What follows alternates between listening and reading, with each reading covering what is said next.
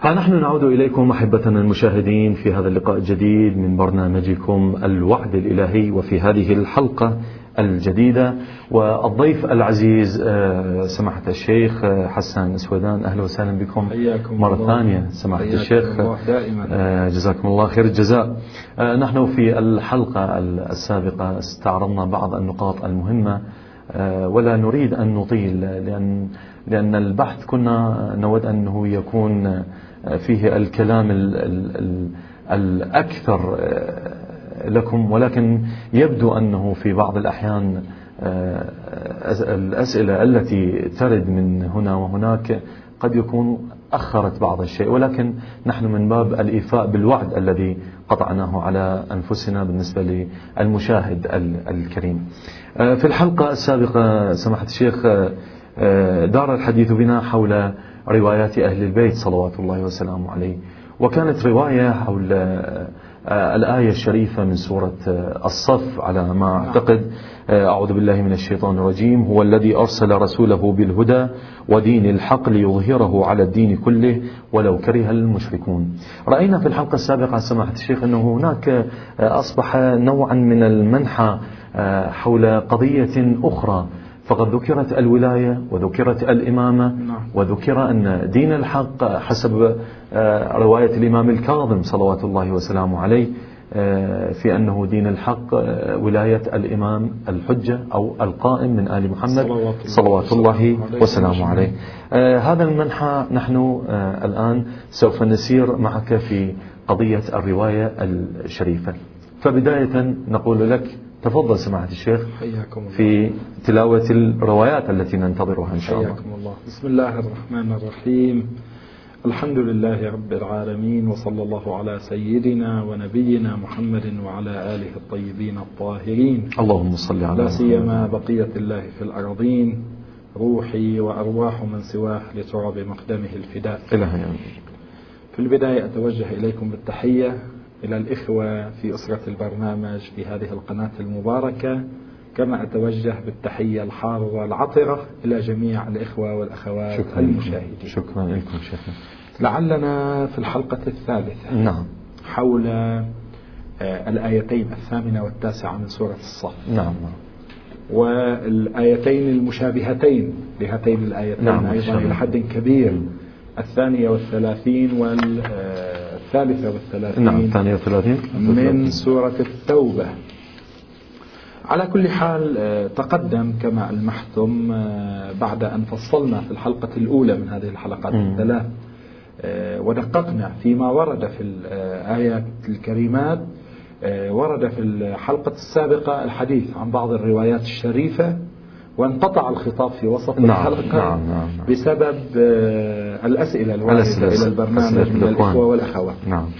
آه، كنت أود آه، حيث انقطع الكلام أن أكمل بعقدين من الحديث في نعم، الحقيقة. نعم. نحاول إن شاء الله أن نلخص الحديث فيهما حتى لا يدركنا الوقت من إن شاء الله تعالى إن شاء الله. العقد الأول من الكلام في إكمال الحديث حول الآيات الكريمات على ضوء روايات أهل البيت عليهم جميعا أفضل الصلاة والسلام. الرواية بروية عن تفسير العياشي نعم. التي وصلت إليها. وهي غير موجودة في تفسير العياشي الموجود بالفعل. هذه نقطة مهمة ينبغي لفت أنظار الإخوة والأخوات نعم. إليها. آه، أنا دائما أحب أن الإخوة والأخوات آه، أستثير فيهم بعض النكات العلمية بشكل عابر. لا أريد أن أحول البرنامج آه، إلى منحى آخر ولكن لا بأس بأن يتثقف المؤمن الأخ المؤمن الأخت المؤمنة آه، على معرفة مصادر مدرسة أهل البيت عليهم السلام جيد. تفسير العياشي تفسير من أمهات التفاسير التي آه، أثرت عن أهل البيت عليهم السلام في مدرسة أهل البيت مؤلفه هو الشيخ محمد بن مسعود العياشي الشيخ الجليل العظيم من أصحاب الإمام العسكري عليه أفضل من أصحاب الإمام العسكري. نعم. آه هذا أحد التفسيرين الأساسيين اللذين رويا ووصلا إلينا. نعم قرب من متقدمي علمائنا. هذا أحد التفسيرين. التفسير الآخر التفسير المعروف بتفسير القمي. نعم. لعلي بن إبراهيم القمي لسنا بصدده نعم. تفسير العياشي للأسف مني بمشكلة. وهي؟ وهي أن أحد النساخ استنسخ التفسير فارتأى أن يصغر حجمه لا فحذف أسانيد الرواية. آه. ومع الزمن أيضا ضاع تقريبا من نصف الكتاب النصف الثاني من الكتاب. من هنا وقعنا في مشكلة. الآن تفسير العياش الموجود ناقص كثيرا. ناقص على المستوى العلمي من جهة حذف الأسانيد. وناقص أيضا على المستوى آه، الحجمي والكمي من جهة أنه إلى نصف القرآن الكريم تقريبا نعم, نعم. عموما إلا أننا نعوض جزءا من هذا النقص عبر الكتب المهمة التي نقلت عن تفسير العياشي قبل أن يمنى بهذه المشكلة قبل قبل هذه نعم. الخسارة نعم. الكبيرة من هنا صاحب مجمع البيان رضوان الله تعالى عليه المحقق الطبرسي طبرسي. يروي هذه الرواية عن العياشي بإسناد ينتهي إلى عمران بن ميثم عن عباية الأسدي أنه سمع أمير المؤمنين عليه أفضل الصلاة والسلام. وهذه الرواية غير موجودة في تفسير عياش الموجود. في أصل تفسير عياش من, من القسم الساقط من نعم. التفسير الذي لم يصل إلينا للأسف الشديد. آه، يقول عليه السلام يقول أنه سمع أمير المؤمنين عليه السلام يقول هو الذي أرسل رسوله بالهدى ودين الحق ليظهره على الدين كله. ولو كره المشركون أظهر بعد ذلك يسأل السائل. نعم. أو الإمام يسأل. قالوا نعم الحضار في مجلس الإمام قالوا نعم ظهر. الحمد لله بعث رسول الله صلى الله عليه وآله. لابد أن مرادهم هذا. نعم, نعم. هذا غير موجود في الرواية. بالتأكيد. قالوا نعم يعني مم. ظهر نبي الله عز وجل عاد ظافرا إلى مكة انتشر الدين والحمد لله صار دينا عالميا آه، في زمن أمير المؤمنين خصوصا وأن زمنه صلوات الله وسلامه عليه جاء بعد الفتوحات في زمن الخلفاء السابقين عليه وانتشر الدين وصار الاقتصاد قوي في المجتمع الإسلامي. يتصورون أن هذا هو إظهار الدين على الدين كله. قالوا نعم. قال عليه السلام كلا. مع كل هذا ومع كل ما صار للإسلام من شوكة هذا لا يعد مصداقا للآية. وهو سؤال استنكاري من نعم. الإمام صلوات الله قال كلا. فوالذي نفسي بيده. يقسم على غرار قسم الإمام نعم. الصادق عليه نعم. السلام. نفس الذي تقدم في السابقة نعم. فوالذي نفسي بيده. حتى لا تبقى قرية إلا وينادى فيها بشهادة أن لا إله إلا الله بكرة وعشية. اللهم صل على محمد. هذا يؤيد ما استظهرناه من نفس الآية الكريمة. يظهره على, على الدين كله. يعني لا يبقى مكان في العالم إلا ودين الإسلام. هو الدين الحاكم. هو الدين الظاهر بتعاليمه بتربيته بحكمه بعالميته. خصوصا من هنا يصرح الإمام في الرواية التي قرأناها في الحلقة السابقة. نعم. حتى الصخرة لو كان في بطنها كافر نعم. تقول بأن في بطني كافر فاكسرني واقتله. هنا يقول فوالذي نفسي بيده. يقسم الإمام عليه السلام. نعم. قضية واضحة. حسن. ليست احتمالات. حتى لا تبقى قرية. شو يعني حتى لا تبقى قرية؟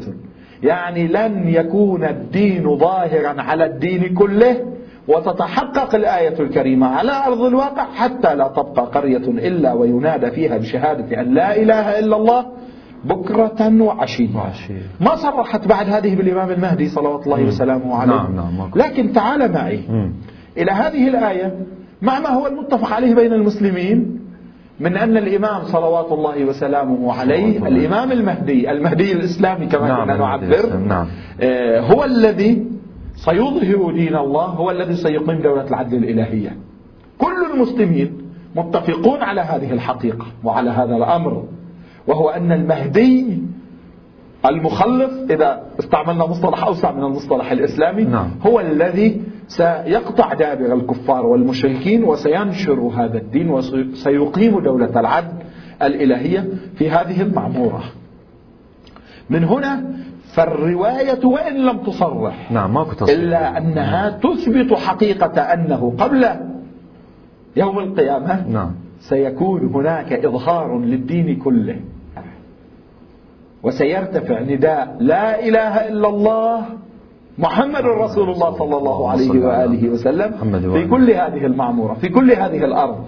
وهذا ما لا يكون باتفاق المسلمين إلا في زمن المهدي صلوات الله وسلامه آه، عليه. رواية أخرى. قبل الانتقال إلى الرواية يعني آه، هذا قضية أنه تفسير العياشي. نعم. هذا النقص أو الخسارة التي ألمت به الخسارة نعم. الكبيرة ألا يعتبر مثلا تضعيف إلى هذا التفسير؟ أنه يقولون أنه مثلا أنه هذا التفسير النقص الموجود في ثابت وإنما هو كلمات مفتعلة وإلى آخره لا لا نستطيع. م. الآن إذا مني كتاب بأن احترق نصفه نعم. وهو كتاب ثابت أنه كتاب جليل. نعم. لا نستطيع أن نقول بأن القسم الباقي منه شيء غير جيد وغير مقبول. كتاب تفسير العياشي كتاب مشهور جدا في الطائفة نقلت منه ومن نسخه الصحيحة الكتب القديمة لأصحابنا مثل كتاب الكافي نعم. مثل كتاب من لا يحضره الفقيه مثل كتاب التهذيب للشيخ الطوسي آه، بقية كتب الشيخ الصدوق رضوان الله تعالى عليه إذا فهو كمصدر معتبر روي عنه الكثير في المصادر خصوصا أنه مسائل للفترة اللي عاش فيها الإمام النقص الموجود. وحذف نعم. الأسانيد هو مما منينا نحن به طبيعي صحيح. بعبارة أخرى الذي حرم من التفسير الكامل من أسانيده هم المتأخرون. وإلا فالكثير الكثير من روايات هذا التفسير حتى القسم الناقص منه نعم. رويت مسندة في كتاب آه الكافي الشريف في نعم. كتاب من لا يحضره الفقيه في بقية كتب الشيخ الصدوق في جملة كثيرة وكبيرة من مصادر آه مدرسة أهل البيت عليهم أفضل الصلاة والسلام. آه نحن إن شاء الله ننتقل إلى الرواية الثانية. ولكن بعد أن نذهب إلى فاصل قصير. أحبتي المشاهدين فاصل قصير ونعود إليكم لتكملة حوارنا. فابقوا معنا.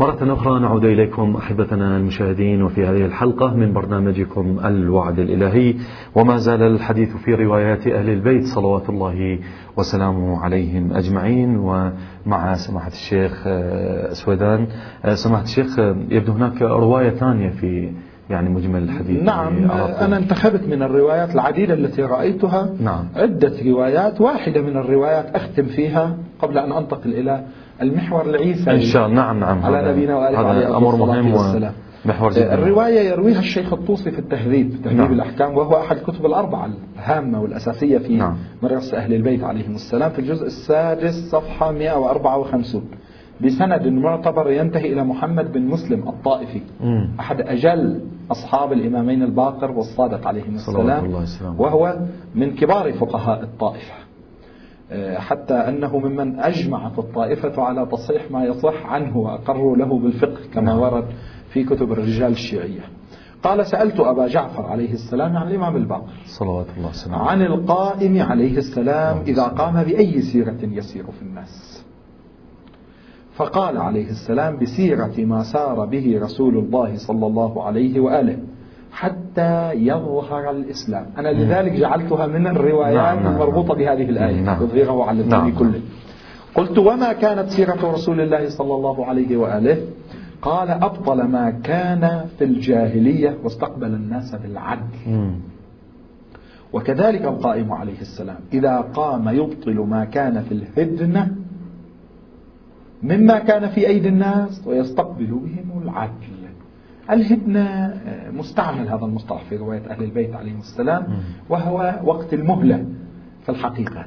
آه، الهدنة بعد رسول الله صلى الله عليه وآله وبعد أمير المؤمنين استمرت بالنسبة لدولة الحق. نعم دولة الحق. إلى أن يأتي الإمام المهدي صلوات الله وسلامه عليه فيحكم فيعيد الأمور إلى نصابها الصحيح. إلى نصابها الأول. يعني مثلا الأرض التي هي أنفال للإمام عليه أفضل الصلاة والسلام يتصرف بها كيف يشاء نعم. وهي في أيدي الكفر أو الأرض التي هي ملك عام للمسلمين وهي في أيدي الكفر. الإمام صلوات الله وسلامه عليه يعيد الأمور إلى نصابها الصحيح على أساس أحكام الدين الأولي الرسول الأعظم صلى الله عليه وآله جاء فألغى حكم الجاهلية الأولى. م. الإمام المهدي صلوات الله وسلامه عليه بالقوة الإلهية المعطاة له وإظهار دين الإسلام على يديه وعلى يدي أصحابه الغر الكرام على الدين كله ستفسح له في المجال لكي يقضي على أحكام الجاهلية المعاصرة نعم. الجاهلية الآخرة إن صح التعبير نعم. ويقوم الإمام صلوات الله وسلامه عليه بالدور العالمي العظيم من خلال آه، إقامة أحكام الدين وقد ورد. طبعا وهذا سيأتي في حلقات مفصلة قادمة إن شاء الله.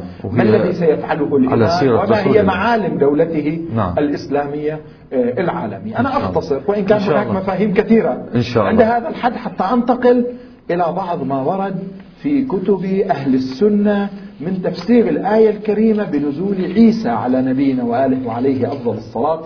إن شاء الله تعالى. طبعا إحنا قبل البرنامج آه، تحدثنا يعني هذه معلومة للمشاهد الكريم.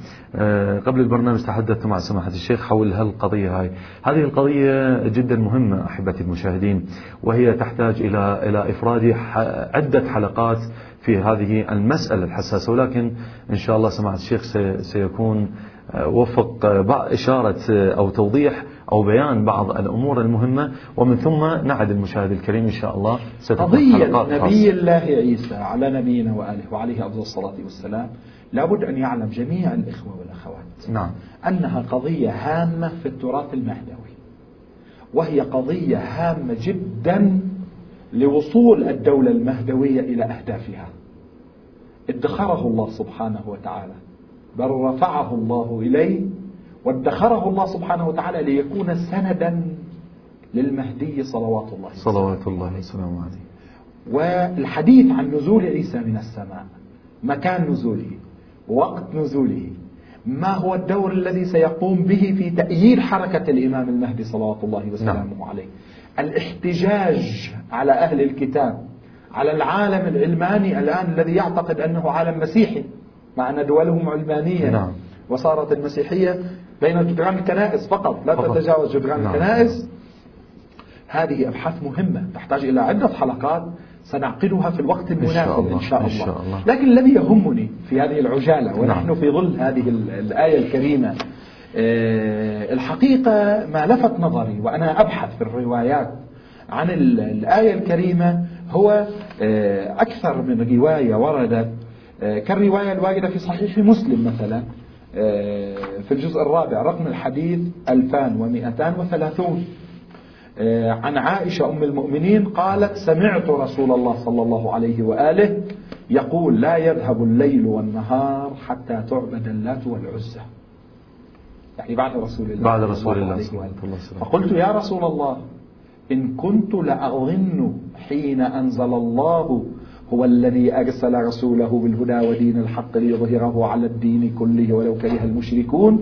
أن ذلك تاما يعني انتهى بعد. نعم. عبادة لا تعز بعد لا يوجد. نعم نعم. وأن هذا في حياتك يا رسول الله.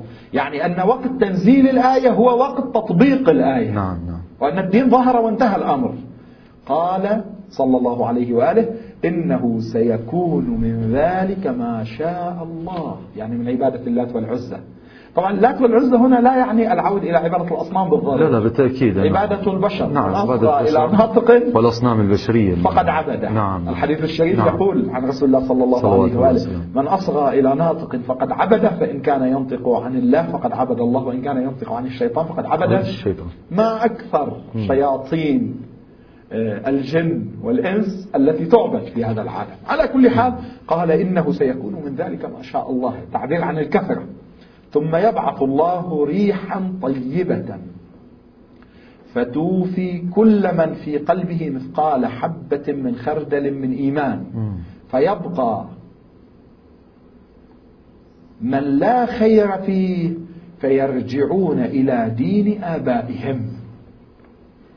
هذا المقدار جيد ما في مشكلة. نعم. يتحدث عن مشهد عبادة الأوثان عن مشهد آه، ارتداد الناس عن الدين وقضية الردة بعد رسول الله صلى الله عليه وآله مباشرة نعم. أو مع طول الزمن أحداثها كثيرة وكثيرة جدا. لا تاريخ ما شاء الله نقل لنا الكثير. الطبري في تفسيره في الجزء العاشر صفحة 82 عن أبي هريرة في قوله ليظهره على الدين كله قال حين خروج عيسى بن مريم.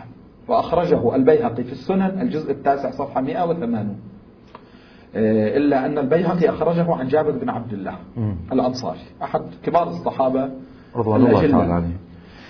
البيهقي أيضا عن مجاهد وهو من أكابر مفسري السنة. في قوله تعالى ليظهره على الدين كله ولو كره المشركون قال إذا نزل عيسى ابن مريم لم يكن في الأرض إلا الإسلام سآتي إن شاء الله إلى نعم على الروايات مجتمعة. آه الكنجي الشافعي في كتاب البيان في أخبار صاحب الزمان صفحة 528 عن سعيد بن جبير في تفسير قوله عز وجل يظهره على الدين كله ولو كره المشركون قال هو المهدي. بنص نص العبارة. نعم. مم. وقال وأما من قال إنه عيسى عليه السلام فلا تنافي بين القولين. إذ هو مساعد للإمام على ما تقدم. جيد. الرازي في تفسيره. نعم. تعلم الرازي نعم. بعد علامة أهل السنة. الرازي في التفسير الجزء السادس عشر صحيفة أربعون. روي عن أبي هريرة أنه قال هذا وعد من الله بأنه تعالى يجعل الإسلام عاليا على جميع الأديان. هذا جيد. ثم قال الراوي وتمام هذا إنما يحصل عند خروج عيسى. هو يقول وقال السدي ذلك عند خروج المهدي لا يبقى أحد إلا دخل في الإسلام أو أدى الخرج جيد. من مجموع هذه الروايات. من مجموع الروايات. نلمح تأكيدا سنيا غير عادي. نعم. على تفسير الآية بعيسى. مع أن السنة والشيعة. متفقون أن ظهور الإسلام سيكون على يد المهدي. بمعزل نعم. المهدي هو الإمام الثاني عشر من أئمة أهل البيت عليهم السلام. كما يقول عموم الشيعة قاطبة وكثير من علماء السنة أو أنه المهدي الذي سيولد. لا نريد الآن أن نبحث في القضية. هذه سيأتي بحثها إن شاء الله. إن شاء الله تعالى. مع وجود روايات السنة والشيعة الكثيرة ومن هنا التفت إليها الكنج الشافعي ونقلها الرازي عن السدي. وعندي روايات عديدة وستأتي في الحلقات حول عيسى عليه السلام على نبينا وآله وعليه أفضل الصلاة والسلام. أستغرب تأكيد بعض الرواة من نمط خاص أمثال أبي هريرة. وبعض مسلمة أهل الكتاب. روايتهم أن إظهار الدين عز الدين إنما يكون عندما يأتي عيسى. عيسى نبي جليل من أنبياء الله. شرط الإيمان بمحمد في دين الإسلام أن نؤمن بنبوة عيسى. لا يستطيع إنسان أن يكون مؤمنا بمحمد ولا يؤمن بنبوة عيسى. القضية ليست في سوق المزايدة ولكن كل المسلمين متفقون أن المهدي هو المخلص الإسلامي العالمي. اتفاق عام وهو الذي سيقيم دولة العدل الإلهية. وهم الذين رووا روايات عديدة أن عيسى سينزل من السماء وسيصلي خلف المهدي في بيت المقدس. هم الذين رووا. نعم. في يوم جمعة سيخرج وسيصلي خلف الإمام روايات صلوات الله وسلامه عليه أتكلم من مصادرهم نعم. وعندي بعضها الآن ربما إذا سنحت لي الفرصة إن شاء الله. الوقت إن شاء الله. أقرأ بعضها حسب الوقت فالتأكيد على أن الدور الأساسي وظهور الإسلام إنما يكون في زمن عيسى هذا من الغرائب من بعض علماء السنة كفانا المؤونة الكنج الشافعي ونظراؤه من المنصفين عندما جمعوا بين الروايات والجمع مهما أمكن أولى من الطرف. نعم. فقالوا نعم عند نزول عيسى. لكن عيسى سيكون معاونا أساسيا. أساسيا. من معاوني الإمام المهدي صلوات الله وسلامه عليه. انظر إلى عبارته وأقرأها من جديد. نعم فضل. وقال وأما من قال إنه عيسى عليه السلام فلا تنافي بين القولين. إذ هو مساعد للإمام عليه السلام. على كل حال واضحة جدا واضحة. إيه من الروايات مثلا التي أستشهد بها حتى لا يقول الأخ ادعينا الإخوة والأخوات ادعينا شيئا ولم نذكره. في عقد الدرر وهو لي بعض أكابر علماء السنة هو يروي رواية تنتهي إلى أمير المؤمنين عليه أفضل الصلاة والسلام. في قصة الدجال قال ويدخل المهدي عليه السلام بيت المقدس ويصلي للناس اماما فإذا كان يوم الجمعة وقد أقيمت الصلاة نزل عيسى بن مريم بثوبين مشرقين. حمر. هكذا ورد في الرواية. نعم. كأنما يقطر من رأسه الدهن. رجل الشعر أو رجل الشعر صبيح الوجه أشبه خلق الله عز وجل بأبيكم إبراهيم خليل الرحمن. إن أراد المسيحيون صفة عيسى بشكل موثوق فيأخذوها من مثل هذه الروايات منا نعم. نعم. فيلتفت المهدي فينظر عيسى عليه السلام فيقول لعيسى يا ابن البتول. البتول هنا يراد منها مريم نعم. المقدسة صلوات الله عليها. يا ابن البتول صل بالناس فيقول عيسى. عيسى عليه السلام. لك أقيمت الصلاة. فيتقدم المهدي عليه السلام فيصلي بالناس ويصلي عيسى عليه السلام خلفه. خلف الإمام. ويبايعه ويخرج عيسى عليه السلام فيلتقي الدجال فيطعنه إلى آخر الرواية هذه رواية. وهذه المبايعة أمام الناس بالتأكيد أنه في بيان الشافعي أيضا. عن حذيفة قال قال رسول الله صلى الله عليه وآله فيلتفت المهدي وقد نزل عيسى عليه السلام. كأنما يقطر من شعره الماء فيقول المهدي تقدم. صل بالناس. فيقول عيسى إنما أقيمت الصلاة لك. فيصلي عيسى خلف رجل من ولدي. هنا تحدد. نعم. من ولدي. من ولد رسول الله صلى الله عليه وآله. والبيان للكنج الشافعي كما هو معلوم نعم من علماء السنة. علماء السنة. رواية أخرى. عن أبي سعيد الخدري. قال قال رسول الله صلى الله عليه وآله منا الذي يصلي عيسى بن مريم خلفه. هكذا أخرجه الحافظ أبو نعيم في كتاب مناقب المهدي وكذلك أخرجه في عقد الدرر صفحة 25 وكتب أخرى من كتب أهل السنة أيضا أخرجت منها الجامع الصغير الجزء الثاني صفحة 106 546 إذا آه، والروايات كثيرة نعم،, نعم. جدا في قضية عيسى. إنما أحببت أن أشير إلى أن بعض الإخوة والأخوات إذا مروا على رواية فسرتها بعيسى. أولا نحن لدينا علامة استفهام في بعض الروايات التي تركز على عيسى عليه السلام وتترك أساسا ذكر المهدي مع أن عيسى باعتقاد كافة المسلمين. لا صف مزايدة في هذا المجال. طبعا طبعا. كل المسلمين متفقون على أن عيسى ينزل وليس هو حجة الله على الخلق. الحجة على الخلق هو المهدي. صلوات, صلوات الله, الله وسلامه عليه. وعيسى ينزل مؤازرا ومعزرا ومؤيدا للمهدي. صلوات الله وسلامه عليه. قلت معزرا نعم. وعزروه. نعم نعم. اقتباسا من الآية الكريمة من باب التأييد والتعزيز والانتصار له. صلوات الله وسلامه عليه. ونعد الإخوة والأخوات بمزيد بحث إن شاء الله. إن شاء الله. حول المشهد العيسوي في حركة الإمام المهدي صلوات الله وسلامه. إن شاء الله تعالى وإحنا إن شاء الله نقف عند هذا هذه الرواية وننتقل إلى محور آخر من محاور هذا البرنامج. كان بيودي آه، هناك بعض النبوءات جاءت في كتاب أشعية في العهد القديم.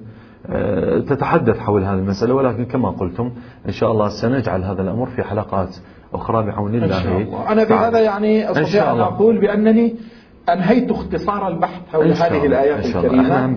نحاول قدر الإمكان. وعلى وعدنا مع الإخوة. إذا كان لديكم في الفاصل الأخير آه، في الربع ساعة الأخيرة من الوقت نعم. أسئلة. إن شاء الله آه، موجودة الأسئلة الكثير من الأسئلة جاءت. الإخوة والأخوات. إن شاء الله, إن شاء الله. آه، أحبتي المشاهدين نترك الحلقة هذه إلى فاصل قصير ومن ثم نعود إلى تكملة هذا الحوار من خلال أسئلتكم الكريمة.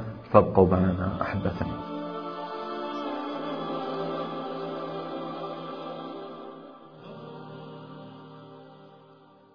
مرة أخرى نعود إليكم أحبتنا المشاهدين ومع برنامجكم الوعد الإلهي. في قسمه الثالث والأخير. آه، نحن قلنا في القسم الثالث سنحاول قدر الإمكان أن نستوفي الرسائل التي وردت إلى إلى البرنامج عبر البريد الإلكتروني وسنطرحها على سماحة الشيخ ونحاول قدر الإمكان أنه نناقش هذه الأسئلة وسماحة الشيخ هو موجود وإن شاء الله أسئلتكم تصل إلى حيث تظنون أنها, أنها تصل إلى المكان الصحيح. آه، سماحة الشيخ آه، طبعا هذا سؤال أنا كان يعني قلت أنه نحاول أنه قضية ابن خلدون ولكن نخلي قضية ابن خلدون اللي استعرضناها في الحلقة السابقة. تذكر أي. أنكم طرحتم كلاما عن ابن خلدون. له كلام في هذه القضية. صاحب التاريخ نعم نعم صاحب المقدمة نعم. في الاجتماع. كقضية العصبية و... أن أجيب عليه وانتهى الوقت بسرعة يعني نعم. لم نستوفي. الجواب بشكل كامل. هكذا أتذكر من الحلقة السابقة. صحيح صحيح. آه، إن أحببتم العود إليه من جديد لا مانع من ذلك. أحببتم أن تنتقلوا إلى نعم. سؤال آخر. سنترك هذا البحث إن شاء الله إلى حلقة أخرى. إن شاء الله. لا مانع. آه سؤال طبعا من أحد الأخوان الأعزاء يقول آه هل من الأمور الطبيعية أن يكون قائد الثورة الإصلاحية الشمولية العالمية هو من ذرية الحسين عليه السلام أم أن هناك أمرا استوجب أن يكون من ذريته آه هذا السؤال يجرنا إلى بحث آه سلسلة الإمامة. في ولد الحسين صلوات الله وسلامه عليه وأساسا في البيت الهاشمي. في ولد علي وفاطمة صلوات الله وسلامه عليه صلوات الله وسلامه آه الإمامة في مدرسة أهل البيت كما ألمحت في حلقة سابقة لعله أيضا في الحلقة السابقة. نعم الحلقة السابقة. الإمامة ليست وراثة. الإمامة أو كما يعبر بعض الباحثين الجدد وراثة عمودية في مدرسة أهل البيت. قضية ليست قضية مدرسة أهل البيت أو غير مدرسة أهل البيت. الإمامة في الحقيقة قرار إلهي. الله عز وجل هو الذي يعين الإمام. لا رسول الله صلى الله عليه وآله هو الذي يعين ولا غيره. كما أن النبي الله عز وجل هو الذي يعينه. نعم. والذي ينبئه. كذلك الإمام الله سبحانه وتعالى هو الذي يعينه. النبي أو الوصي أو الإمام السابق ينصص على الإمام اللاحق بعهد معهود من الله من الله سبحانه وتعالى. الإمام بعهد من رسول الله ورسول الله بعهد من جبرائيل من الله عز وجل. وهذا قضية اختلاف في قضية, قضية النص أو هي قضية عظيمة وعظيمة جدا مم. جدا في المنظومة القرآنية في المنظومة الإسلامية الصحيحة وبالأخص في المعارف الأصيلة لمدرسة أهل البيت صلوات الله وسلامه عليهم. الإمامة تعني العصمة الإمامة تعني الاصطفاء والاجتباء الإلهي الإمامة تعني أن شخصية مسانخة لشخصية الرسول الأعظم صلى الله عليه وآله. وأنفسنا وأنفسكم هذه أهم نقطة أهم نقطة. هو الذي يستطيع دون غيره أن يتولى قيادة الأمة الإسلامية بعد رسول الله صلى الله عليه وآله. من هنا لا شك أن هؤلاء الأئمة عليهم السلام بما فيهم المهدي م. الذي سيقيم دولة العدل الإلهية. مختارون منتخبون مصطفون مجتبون من الله سبحانه وتعالى مباشرة. نعم. الله عز وجل كيف يجتبي؟ على أساس حكمته على أساس الكمال على أساس تهيئة الظرفية المناسبة لهذا العمل العظيم والعظيم جدا جدا جدا. خصوصا فيما يرتبط بدور الإمام المهدي. صلوات قضية قضية حفظ الدين قضية قضية إتمام نور الله عز وجل في هذه الأرض. القضية قضية إظهار هذا الدين على الدين كله. من هنا من الطبيعي جدا أن يتوسم الإنسان خيرا عندما يسمع بأن من يقوم بالثورة العالمية ويقيم دين الله عز وجل هو من نسل الحسين صلوات الله وسلامه يعني هل هناك قول آخر؟ استئناس جيد. نعم. هذا استئناس جيد وجيد جدا. لكن ليس هو بيت القصيد. بيت القصيد في القضية هو أن هذا قرار إلهي اتخذ من قبل أن يخلق الله سبحانه وتعالى آدم. نعم. من قبل أن يخلق السماوات والأرض. منذ أن كان أهل بيت النبوة أنوارا محدقين حول العرش الأنوار الخمسة. فهذا قرار إلهي ومنظومة حقوقية إلهية لا تعتمد لا على الوراثة العمودية ولا على أي سبب آخر. نحن نعلن آناء الليل وأطراف النهار وكان يعلن أئمتنا ذلك صلوات الله وسلامه عليهم. وأعلن من قبلهم رسول الله صلى الله عليه وآله. ومن قبل رسول الله الأنبياء السابقون أن هذه السلسلة وهذه المنظومة الحقوقية هي معينة من قبل الله سبحانه وتعالى لامتيازات نعم. وصفات خاصة فيها الله عز وجل اجتباها وطهرها واختارها واصطفاها لتكون هي التي تمارس هذا الدور. وآخر درة عظيمة في هذا العقد العظيم هو الإمام المهدي صلوات الله وسلامه عليه. الذي سيقيم دولة العدل الإلهي نعم. سألتني إن كان يوجد قول آخر. نعم يعني من فحوى السؤال كأنما فحوى السؤال يقول هكذا. قول ضعيف مم. جدا. مم. آه، أن المهدي من ولد الحسن عليه السلام. من ولد الحسن. لا فرق. مم. هو أيضا من بني هاشم وهو أيضا آه، ابن للإمام صلوات الله وسلامه عليه. إلا أن هذا القول قول ضعيف جدا الروايات المتواترة. والإجماع في مدرسة أهل البيت عليهم السلام. وتصريح جملة كبيرة من علماء السنة أكثر من خمسين عالما من علماء السنة. جمع القسم الكبير منهم العلامة السيد محسن الأمين العامل رضوان الله تعالى عليه. تعالى في الجزء الثاني من كتابه أعيان الشيعة هذا الكتاب الثمين والعظيم. آه، أيضا صرحوا بما نعتقد به. في مدرسة أهل البيت عليهم السلام من أنه من ولد الإمام الحسين صلى الله عليه. وسلم هذه النقطة نعم. أيضا سنأتي إليها إن شاء الله بعد الانتهاء من البشارات إن شاء الله. بين البشارات الربانية في الآيات الكريمة والبشارات النبوية والأئمة. سنأتي إن شاء الله ونتحدث عن ميلاد الإمام عن نسب الإمام صلوات الله وسلامه عليه. وهنالك سنعطي الروايات التي تقول بأنه من ولد الحسن سنعطيها حقها. إن شاء الله. ولكننا نقول الآن باختصار مفيد بأن هذه الروايات قليلة جدا عددا ضعيفة آه، المتفق عليها المتسالم عليه في مدرسة أهل البيت عليهم السلام عليها إن شاء الله. الإمام الحسين عليه أفضل الصلاة والسلام. صلوات الله وسلامه عليه. آه، طبعا أنا أحاول أنه هنا أقرأ السؤال كما كما هو. نعم. آه، سؤال من أحد الإخوة يقول بعض علمائنا أو بعض علمائنا ذكر 133 آية قرآنية جاءت في الإشارة لموضوع المهدي المنتظر نعم. مرة على مستوى الظهور القوي ومرة أخرى على مستوى الإشارة وهنا سؤال يتبادر إلى ذهني إذا كانت القضية هذا السؤال سؤال السائل نعم. إذا كانت القضية بهذا الحجم من الأهمية بحيث أن حديث رسول الله صلى الله عليه وآله وسلم الذي تنقله مصادر أهل العامة والخاصة من أنكر المهدي فقد أنكرني. إذا كانت بهذه الأهمية هذه القضية وهي تمثل الضرورة في الفكر الإسلامي الشيعي والسني على حد سواء إذا لماذا لم يصرح القرآن الكريم بها ولم ينص عليها؟ يعني باسم المهدي باسم المهدي يعني هذا هكذا قضية إذا عالمية إذا قضية مهمة. السائل يعني التصريح بحقيقة الأمر المهدوي. نعم. فالقرآن الكريم صرح نحن آه، صار لنا عدة أسابيع. يبدو من خلال السؤال أنه الاسم المقدس. بينا أن هناك حقائق في هذا الدين حقائق في القرآن الكريم. التمكين في الأرض أظهار هذا الدين على الدين كله إتمام النور وعد المستضعفين بوراثة الأرض كاملة من دون انتقاص. كل هذا آه، أشرنا إلى أنه لم يتحقق ولن يتحقق إلا في زمن المهدي. نعم. وهذا متفق عليه بين المسلمين. أما قضية الإشارة إلى الأسماء ألا يفتح أبوابا واسعة جدلية. نعم.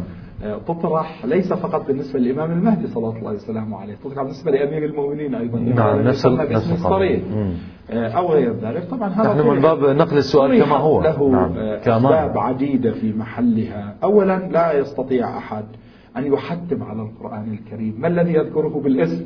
وما الذي لا يذكره بالاسم؟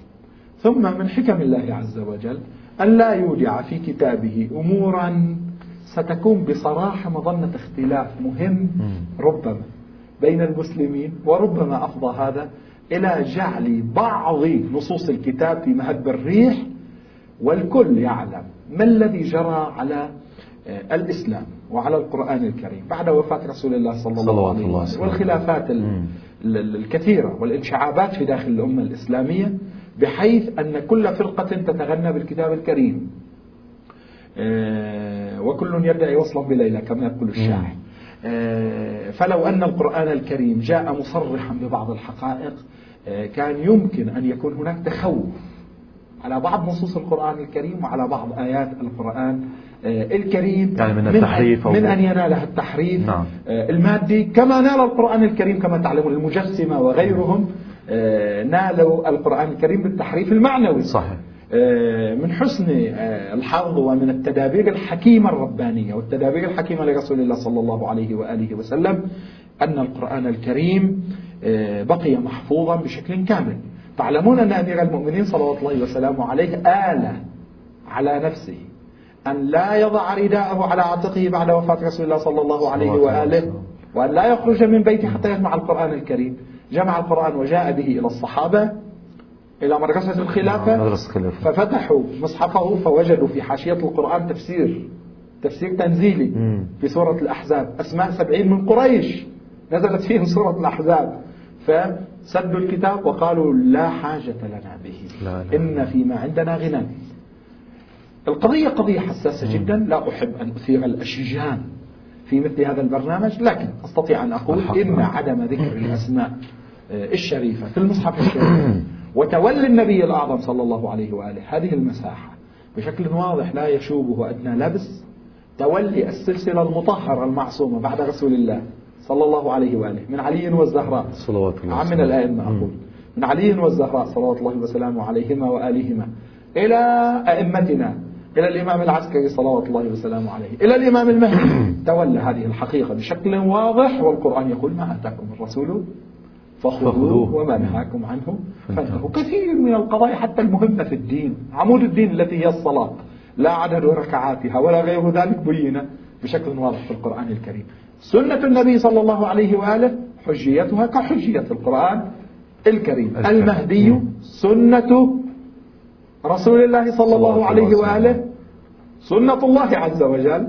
وعد الله والله لا يخلف الميعاد وهذا ثبت لدى السنة والشيعة وسيثبته برنامجنا هذا. إن شاء الله تعالى. وواضح جدا. إن شاء الله تعالى. هناك سؤال آخر ولكن آه، يبدو أنه سنذهب إلى الحلقة الثانية ونحن في جعبتنا نصف الجواب.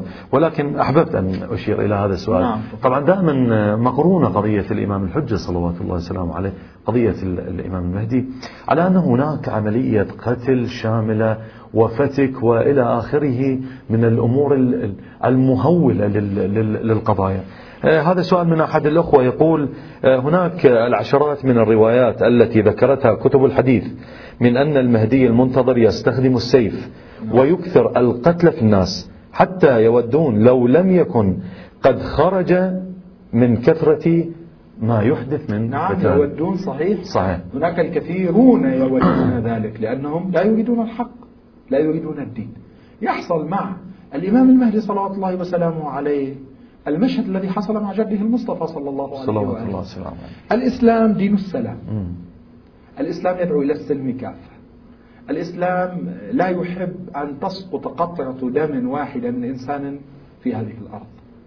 إذا تحققت أهدافه من دون ذلك. الإسلام يريد أن ينشر هذا الدين. الله عز وجل يريد ذلك لأن الإسلام هو دين الله. نعم دين الله. في الأنبياء السابقين الله عز وجل كان يخسف البيداء تنتهي أمة بكاملها وينتهي الأمر. يركب المؤمنون مع نوح السفينة والله عز وجل يأمر التنور يفور نعم. ويميت البشرية. إن كان هناك من إشكال في قتل أعداء الله في إهلاك أعداء الله في قتل من خرجوا على فطرة الله التي فطر الله الناس عليها فالإشكال يبدأ. من الله عز وجل. أقولها بكل صراحة. نعم نعم. النبي أو الإمام المعصوم كما أنه مظهر رحمة الله عز وجل هو مظهر نقمة الله. نعم نقمة الله. الإمام المهدي كما تعلمون صلوات الله وسلامه عليه شأنه شأن جده المصطفى صلى الله عليه وآله. سيأتي إلى هذه الدنيا والجاهلية جهلاء والوضع قاتم في هذا العالم. وإرهاصاته للأسف الشديد تشاهدونها. إن من عالم الكفر الإلحاد. أو من عالم الكفر من يتغنون بالكتاب وأهل الكتاب. كالشيطان الأكبر أمريكا أو غيرها. تجد كل هذا الآن يدعو إلى عولمة مادية إلى سلطان. تسلط على هذا العالم. واضح, واضح. الغدة السرطانية التي أودعت في داخل وفي قلب العالم الإسلامي في أولى القبلتين نعم. في فلسطين المحتلة. إسرائيل. إلى ما هنالك من الطبيعي أن الإمام المهدي صلوات الله وسلامه عليه هو مظهر قدرة الله. سيدعو الكل إلى الحق والحقيقة. إن استجابوا فبها ونعمت. لكن كل الإرهاصات تشير إلى أنهم لن يستجيبوا. من الطبيعي جدا أنه مؤيد بقدرة الله.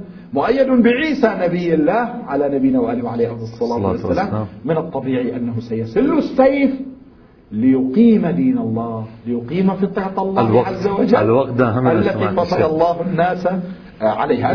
وأنا دائما وأنا دائما أضعكم مهم جدا وأنا دائما أضعكم في هذا الموقف. لابد آه، يعني أن تذكرونا إن شاء الله. في بداية الأسئلة في الحلقة القادمة إن شاء الله. أن نعود إلى هذا السؤال لأن هذه تهمة أن الإسلام انتشر بالسيف تهمة نعم. توجه إلى الإسلام. بشكل عام لابد من أن نفلسفها ونبينها بشكل دقيق. هاي ملاحظة سجلتها. الشكر الجزيل إليكم سماحة الشيخ آه، على هذه الإفادات القيمة من خلال حديثكم في برنامجنا هذا. شكرا جزيلا لكم وشكرا لمشاهدينا الكرام الذين تابعونا وما زالوا يتابعوننا في هذه الحلقة من برنامجكم الوعد الإلهي. آه، نذكركم هناك بريد إلكتروني يظهر في أسفل الشاشة. يمكنكم مواصلة آه، أسئلتكم وإرسالها إلينا عبر هذا البريد. هذا مقداد الخفاجي يحييكم. نستودعكم الله والسلام عليكم ورحمة الله وبركاته.